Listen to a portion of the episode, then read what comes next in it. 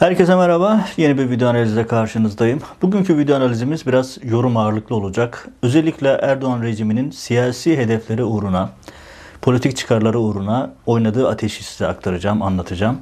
Ve e, geçmişten örneklerle, belki birçoğunuzun duymadığı, birçoğunuzun bugüne kadar farkına varmadığı çok somut örneklerle Erdoğan'ın nasıl bir ateşle oynamakta olduğunu ve yakın gelecekte Türkiye'yi ne tür risklerin beklediğini anlatacağım. Ve e, baştan uyararak söyleyeyim, tekraren söyleyeyim. Bu konu partiler üstü bir mesele. Bu konu muhalefetin çok daha duyarlı, medyanın çok daha duyarlı olması gereken bir mesele. Çünkü söz konusu olan hadisenin sonunda, riskin sonunda insan hayatı var. Daha önce yaşanmış çok kötü örnekler var. Yenilerinin tekrar etmemesi için herkese büyük görev düşüyor. Şimdi detaylara geçeceğim. Neyden, neyden bahsediyorum? Erdoğan ateşle oynuyor derken neyi anlatmaya çalışıyorum? Örnekleriyle şimdi geleceğim.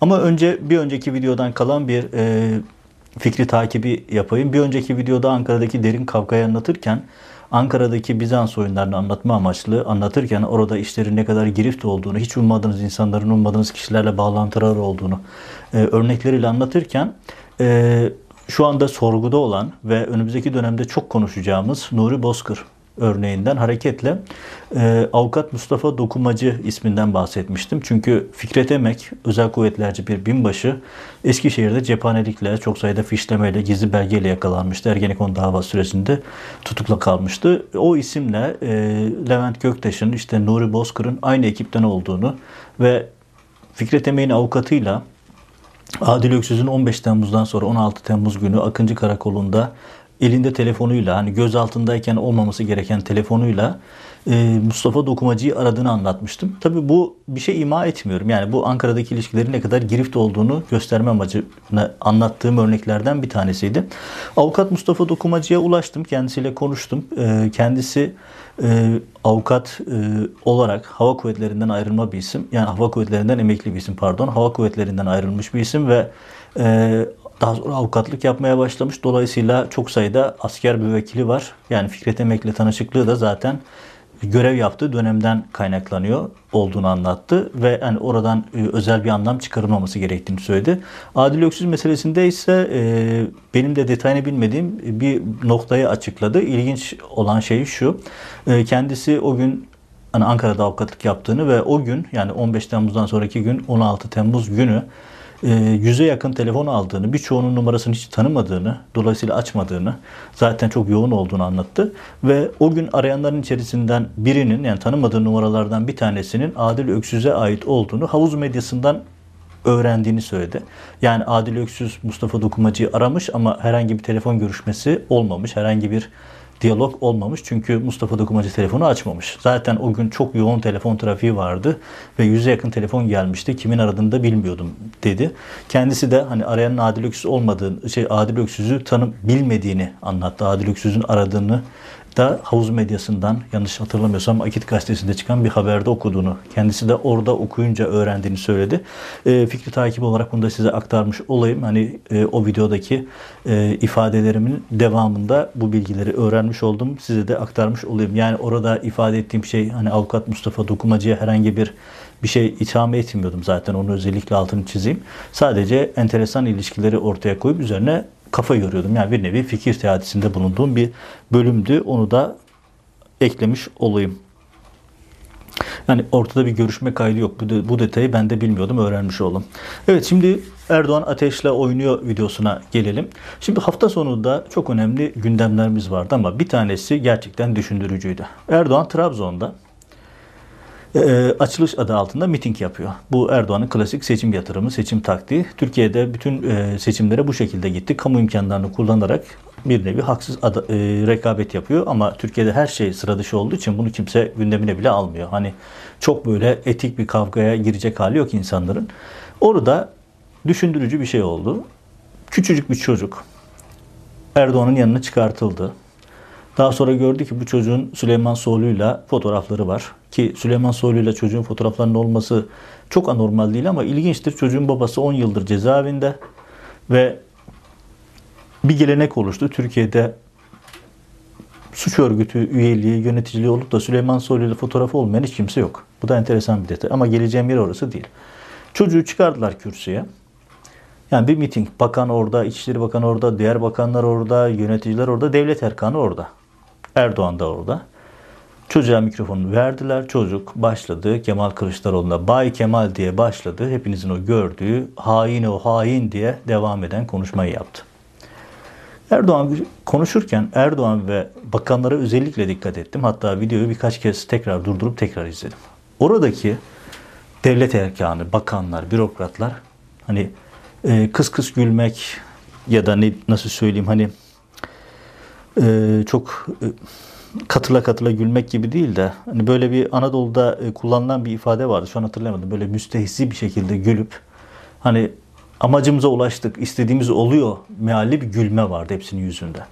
Çünkü istedikleri buydu. Kindar bir nesil yetiştirmek, çocuklara bile, 9-10 yaşında çocuğa bile bu kini, bu hain, düşman, vatan haini söylemini kafalarına çakmayı planlıyorlardı. Bunun için yıllardır çalışıyorlardı, başardılar.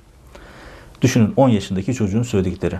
Ha, bugün pazartesi, salı günü işte tekrar çocuk Trabzon medyasına konuşmuş, yerel medya ve diyor ki işte ben e, hain kelimesinin anlamını bilmiyordum. Bu çok daha ağır, çok daha vahim bir travma. Çünkü 10 yaşındaki bir çocuğun kafasına bu ifadeleri çakıyorsunuz, söylüyorsunuz vatan haininden, e, teröristten, işte şunun uşağı, bunun tetikçisi laflarından böyle inanılmaz laflar. Bunları burada aktarmayayım. Erdoğan'ın dilinden maşallah bal damlıyor. Söylemediği kötü kelime yok. Bunların hepsini kullanıyorsunuz ve onu medyadan, ekranlardan, gazetelerden, televizyon programlarından sadece siz kullanmıyorsunuz. Sizin papağanlarınız var yandaş medyada her gün ekranlara çıkan. Onlar da kullanıyor. Vatan haininden giriyorlar, teröristten çıkıyorlar, demedik bir şey yok. Haşhaşiden çıkıyorlar, işte kan emici bilmem neden giriyorlar. Demedikleri hiçbir şey yok. Ve bu zehirli tohumlar o kadar çok ekildi ki yıllardır. Artık büyüdü, orman oldu. Şimdi yeni filizler veriyor. Ya 10 yaşındaki bir çocuğun ağzından duyuyorsunuz. Travmatik bir şey bu. Bakmayın muhalefet her zamanki gibi olayı anlayamadı bile. Yani çocuğu nasıl istismar edersin noktasında kullanıyorlar. Ya buradaki hadise sadece Erdoğan'ın bir çocuğu istismar etmesi değil. Evet o çocuğu istismar ettiler. İstismar sadece cinsel yolla olmaz. İstismar bu şekilde de yapılır. O çocuğu seçim için, seçim e, siyasi rakibine küfrettirerek istismar etti iktidar partisi. Erdoğan yaptı bunu. Ve bu organizasyonu her mitingde, her yerde yapıyorlar. Çünkü bu bir politika, Erdoğan'ın politikası ve bunu yıllardır ısrarla organize bir şekilde, kararlı bir şekilde götürüyorlar. Çünkü hedefleri, niyetleri kindar bir nesil yetiştirmek. Peki neden bunu önemsiyorum? Erdoğan neden ateşle oynuyor diyor. Şimdi bakın Türkiye tarihinde size birkaç örnek hatırlatacağım ve sonra arkasından e, final yorumuna getireceğim. Şimdi Türkiye tarihinde çok acı suikastler, cinayetler var. Çok acı terör faaliyetleri var. Gerçekten travmatik şeyler yaşadık. Bunların ifadesine bir gazeteci olarak ve yıllardır bu konuda çalışan bir gazeteci olarak bu ifadelerin neredeyse hepsini okudum. Savcılık ifadelerini okudum, mahkeme ifadelerini okudum. Bu işçilerin avukatlarının açıklamalarını okudum vesaire. Bakın Erdoğan oynadığı ateşin biz çok acı örneklerini, çok yakıcı örneklerini Türkiye'de yakın tarihte yaşadık. Bakın Hrant Dink kitabını söyleyeyim şimdi. Bu kitabı ben 2011'de Hrant Dink cinayetini araştırırken yazdım. 2011'de ve bu kitap neden adı bir Ermeni var biliyor musunuz? Bir Ermeni var. Kitabın adı bir Ermeni var. Neden? Çünkü o gün Samast, Hrant Dink'i arkasından gelip ensesinden yakın mesafeden ateş ederek öldüren bir lise öğrencisi, daha bir e, hani İngilizlerin tabiriyle teenager olan bir e, çocuk diyeceğim geldi Hrant Dink'i öldürdü. Ama öldürürken Hrant Dink'i neden öldürüyordu? Bu ifade bir Ermeni var. O gün Samas'la yaptığı görüşmenin, o gün Samas'la Yasin Hayal arasında geçen, tetikçiyi azmettiren büyük abi Yasin arasında geçen görüşmenin başlangıç cümlesi bir Ermeni var. Yani o gün Samas'ta internet kafede oyun oynarken Kurtlar Vadisi seyredip ya da işte Erdoğan rejiminin propaganda dizilerini seyredip e, gaza gelirken yanına gelen Yasin Hayal diyor ki bir Ermeni var. İşte bu Türklüğe hakaret ediyor, vatan haini bunu sen vuracaksın. O da tamam diyor. Ne bir yazısını okumuş, ne bir kitabını okumuş, ne bir programını izlemiş. Adını bile bilmiyor. Bildiği tek şey bir Ermeni var. Bakın Hrant Dink cinayetindeki temel örneklerden bir tanesi. Bunu söylerken şunu demiyorum. Bu cinayet çok basit, spontane, bir tane öğrencinin gaza gelip yaptığı değil. Hayır, oraya geleceğim. O başka bir boyut. Ama biz bu nefret söyleminden o kadar çok canımız yandı ki Türkiye olarak. Şimdi maaşlığına çıkan yazılar biliyorum ben. Çok sayıda. Bu kitapta istatistikleri koydum. Ve Hrant Dink öyle bir hedef haline getirildi ki sonra derin devletin en iyi yaptığı şey bir tane tetikçinin eline silah verip hedefi göstermek. Zaten ortam ısınmıştı. Ortam ısındıktan sonra birileri o ceketi çıkartıyor. Başka bir örnek. Malatya Zirve Cinayeti. Hatırlayın 2007'de yine Malatya'da bir İncil basan, Hristiyanlık misyonerlik yapan bir yayın evine lise öğrencileri, yine orada aynı, lise öğrencileri baskın yaptılar. Oraya Hristiyanlığı öğrenmeye giden öğrencilermiş gibi baskın yaptılar. Vahşice, hani tavuk keser gibi oradaki insanları katlettiler. Ellerini ayaklarını bağlayıp işkence ederek, onlarca kez bıçak saplayarak katlettiler. Ve ifadelerini okuyorsunuz, dinliyorsunuz. Hepsi aynı şeyi söylüyor. Bunlar bizim dinimizi değiştiriyordu, gençlerimizi Hristiyan yapıyordu. İşte parayla din değiştirtiyorlardı, vatanı bölmek istiyorlardı. Biz de üzerimize düşeni yaptık. Yine aynı söylem. Raip Santoro cinayet, Oğuzhan Aktin cinayetine karşı uyguladığı başka bir taktiği vardı. Neydi? İşte din elden gidiyor, vatan toprakları satılıyor. Erdoğan ülkeyi Avrupa Birliği yolunda peşkeş çekiyor söylemiyle. Çok yoğun bir kuvayi milliye, işte bir sürü kalpaklı adam ekranlara çıkıyordu. İşte Sinan Aygün Ankara'da Kur'an dağıtıyordu ki Ankara'da İncil dağıttılar. O İncil dağıtana, o İncilleri de işte din elden gidiyor söylemiyle, yüz binlerce Hristiyan genç vesaire söylemiyle e, Bunların hepsi derin devletin organizasyonuydu. Hatta Kızılay Meydanı'nda satılan, dağıtılan İncil'ler satılan diyorum pardon. E, Ankara Oğul Bey'de bir matbaada basıldı. Parasını da jandarma çok popüler bir iş adamından almıştı. E, önde gelen ulusalcı iş adamlarından bir tanesi. Yani düşünün jandarma matbaada İncil basıyor. Bunu Kızılay Meydanı'nda dağıttırıyordu. Bunların hepsini Türkiye yaşadı. Neden? İşte bu cinayetlere giden zemini hazırlamak için. Türkiye'de darbe ortamını hazırlamak için. Bunların hepsi Erdoğan'ın yaptığından farklı değil. O zaman şöyle bir tablo var. Bakın psikolojik harpte istihbaratçılar çok örnek verir. Bunu bu işe meraklı ya da bu konuda okuma yapan herkes bilir. Şöyle düşünün. En basite indirgenmiş haliyle anlatayım. Bir bahçe düşünün.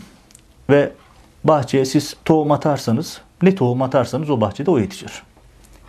Yani sonuçta attığınız tohuma göre sebze de olur. Meyve e, fidesi ekerseniz fide olur, meyve olur vesaire olur. Şimdi oraya hiç tohum atmazsanız bile o bahçeyi sürekli sularsanız o bahçede ayrı kotları yetişir. Doğasında vardır çünkü. Ayrı kotları yetişir. Ve bir süre sonra orayı ayrı kotları kaplar. Siz giremez hale gelirsiniz. Çünkü ayrı kotları çok e, yayılan ve etrafında hiç kimseye hayat hakkı tanımayan bir ot türü. İşte Erdoğan'ı kullanıyor ve her konuşmasında nesepten giriyor. Bunların nesebi bozukta soyundan çıkıyor vatan haininden giriyor, Bay Kemal'den gidiyor. Sadece o değil. Yani Gülen cemaatine söylemediğini bırakmadı, başkalarına söylemediğini bırakmadı. Bir dönem Bahçeli'ye çok şey söylüyordu. Sonra Bahçeli ile kanka oldular ama onun dışında başka insanlara karşı. Yani Erdoğan siyasi hedefi kimse ona karşı korkunç bir nefret dili kullanıyor. Ve dilinin gerçekten kemiğinin ayarı yok. Hani dilin ayarı yok, dilin kemiği yoktur ya işte Erdoğan'ın hem kemiği yok hem ayarı yok. Bu kadar ileri gidiyor. Ve arkasından düşünün sokaktan herhangi bir insanı çevirin. Erdoğan taraftarı olan birisi ne hayatında bahsettiği kişileri tanır, ne Edirne'nin ötesine geçmiştir, ne kitap okumuştur ne de başka bir şeydir. Ama ağzını açtığı zaman vatan hainleri ülkeyi bölüyor, bunlar Türkiye'yi peşkeş çekiyor, bunlar ülkeyi bölecekler, işbirliği içerisindeler, bunlar hain, bunlar terörist, gırla gidiyor. Bugüne kadar bunu biz genelde yetişkinlerde, nargile kafelerde tütüren e, ak gençlikte görüyorduk. Artık çocuklara indi. Artık bu alarm zili. Burada alarm çanları çalıyor ama kimse farkında değil. Muhalefet hala iktidar rejimin, iktidarın dilini kullanmaya devam ediyor. Muhalefet kısmına ayrıca geleceğim ama şimdi bahçe örneğinden devam edeyim. Ya bu şekilde bahçeyi sularsanız, tohum atmasanız bile o bahçe ayrı kotlarıyla dolar. Şu an Erdoğan'ın yaptığı bu. Kötü niyetli derin yapılar zaten böyle ortamları arıyor. Düşünün zaten bu ülkede millet Kurtlar Vadisi gibi bu işte ben çok izlemiyorum yıllardır Türk televizyonu ama Türk televizyonlarında böyle vurdulu kırdılı kahramanlı bir sürü film dizi var. Hepsi de iktidarın Erdoğan rejiminin pompa, pompaladığı dizi, tarih dizileri vesaire. Herkes zaten kahraman olma sevdasında. Herkes zaten bir böyle kendini Polat Alemdar tarzında gören gençlikle dolu. Hele bir de Karadeniz'e gittiğinizde hani Karadeniz insanı zaten enerjik, zaten yerinde duramıyor. Erdoğan da Karadenizli ve Karadeniz'de yoğun bir propaganda yürütüyor. İşte buyurun size 10 yaşında bir çocuğun ağzından çıkan ifadeler. Kılıçdaroğlu'na yapılan linçi hatırlayın. Yumrukla saldıran insanlar nereden etkilendiler? Erdoğan'ın söylemlerinden etkilendiler. Havuz medyasının söylemlerinden etkilendiler. Nereden etkilendiler? Erdoğan'ın papan gibi her akşam televizyonlarda çıkan kadrolu gazetecilerinden, yazarlarından öğrendiler.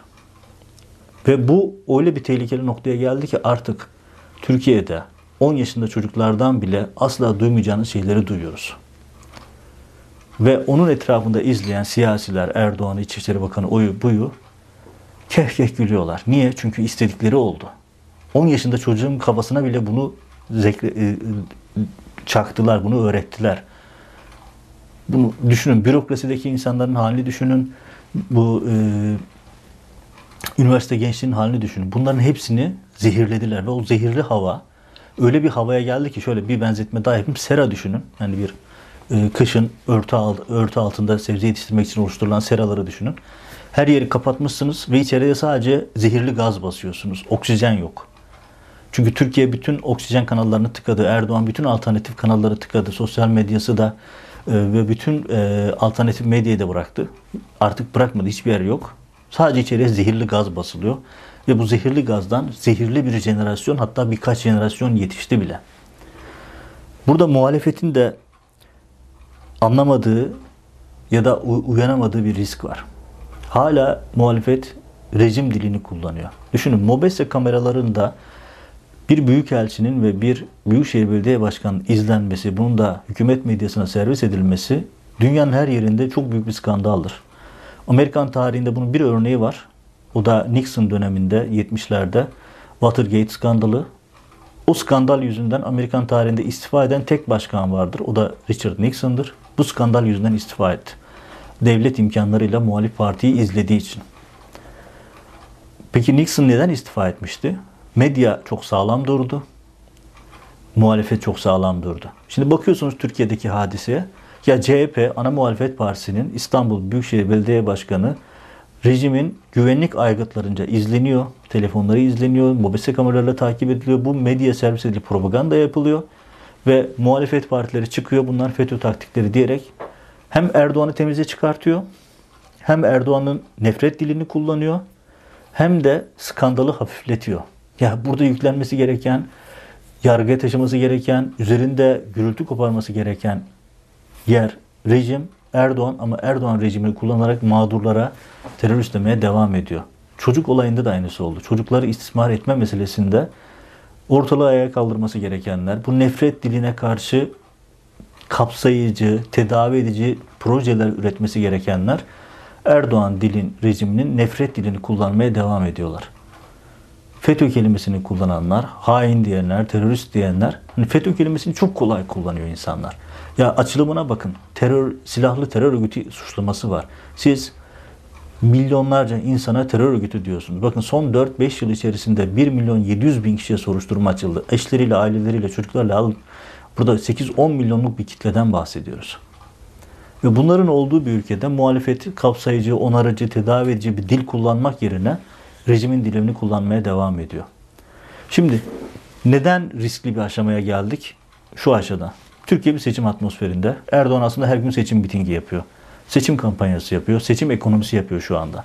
Ve hedefi muhalefeti paralelize edip kapatma davasıyla HDP ile iktidar partisi şey muhalefet Ankara İstanbul belediyeleriyle ilgili bir takım operasyonlarla muhalefeti sersemletip bir seçime gitme hedefi yapıyor.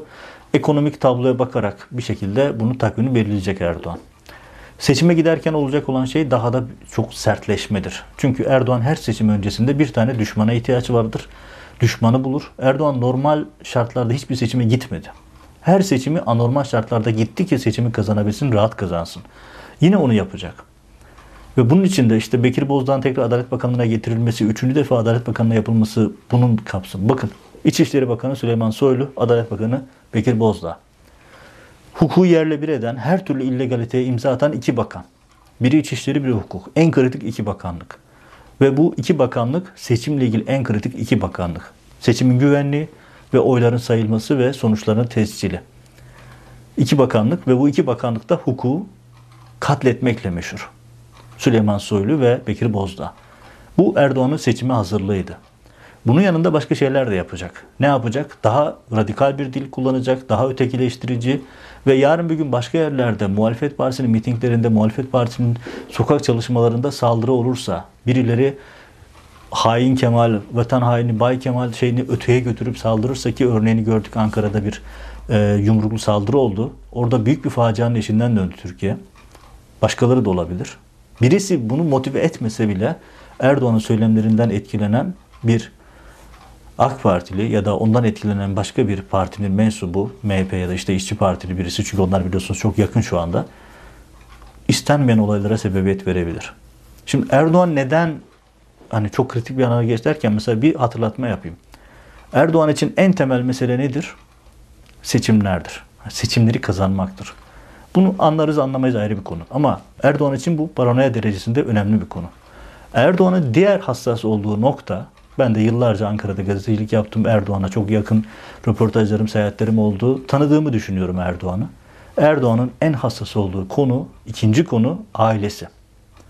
Hani hiçbir şey yoksa bile ailesiyle ilgili Erdoğan anormal hassastır. Bu da son derece normal. Ben de bir babayım, ben de hassasım.